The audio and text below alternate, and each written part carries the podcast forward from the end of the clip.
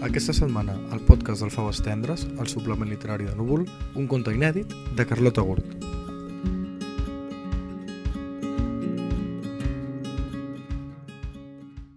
Tots aquells impostors.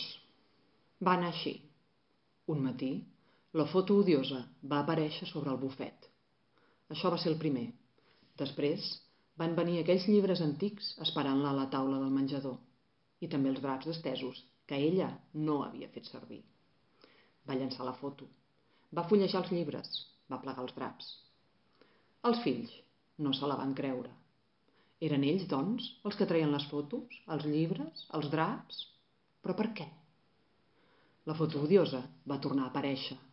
Ella, de jove, en blanc i negre, amb el que seria el seu futur marit, al peu d'aquella cascada incessant, la tarda que es van barallar per primer cop, quan ella li havia dit que no volia tenir fills. I en van tenir tres. Va deixar la foto al bufet. Quan els fills la venien a veure, no els treia els ulls de sobre, esperant un gest, una mirada que els delatés. Ells li feien petons, massa petons. Després van venir les nits estranyes. Es regirava el llit amb els pensaments agarbuixats, com si l'haguessin drogada, i aquells somnis entretallats, carregats de gens d'abans i de palpitacions. De dia, ensumava la llet encetada, buscant-hi algun d'ells sospitós.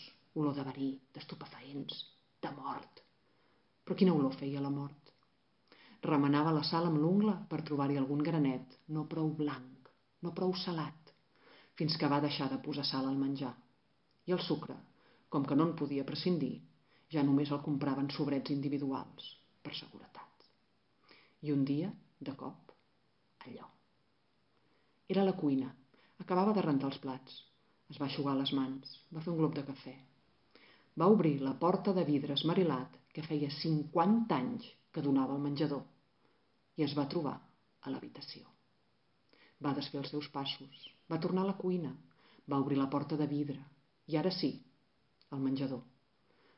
Va riure per conjurar el vertigen. No ho va explicar als fills. Ells no creien en fantasmes ni en l'altra vida.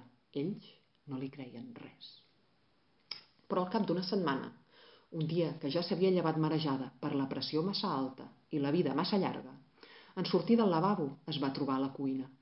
Esglaiada, va obrir la porta de vidre esmarilat per afanyar-se cap al balcó, agafar aire, però van a parar a la cambra dels mals endreços. Va obrir la porta i l'habitació i d'allà al lavabo, tot el matí errant per casa fins que va arribar al balcó.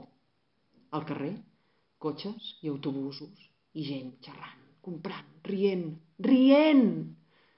I el laberint es va anar propagant. A tot t'hi acostumes en aquesta vida, pontificava sempre el seu home. Però s'equivocava.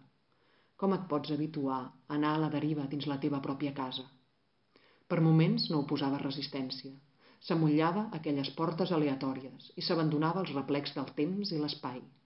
Però l'angoixa sempre tornava, furiosa, voraç. Aleshores, va començar a visitar-la tota aquella gent que no coneixia.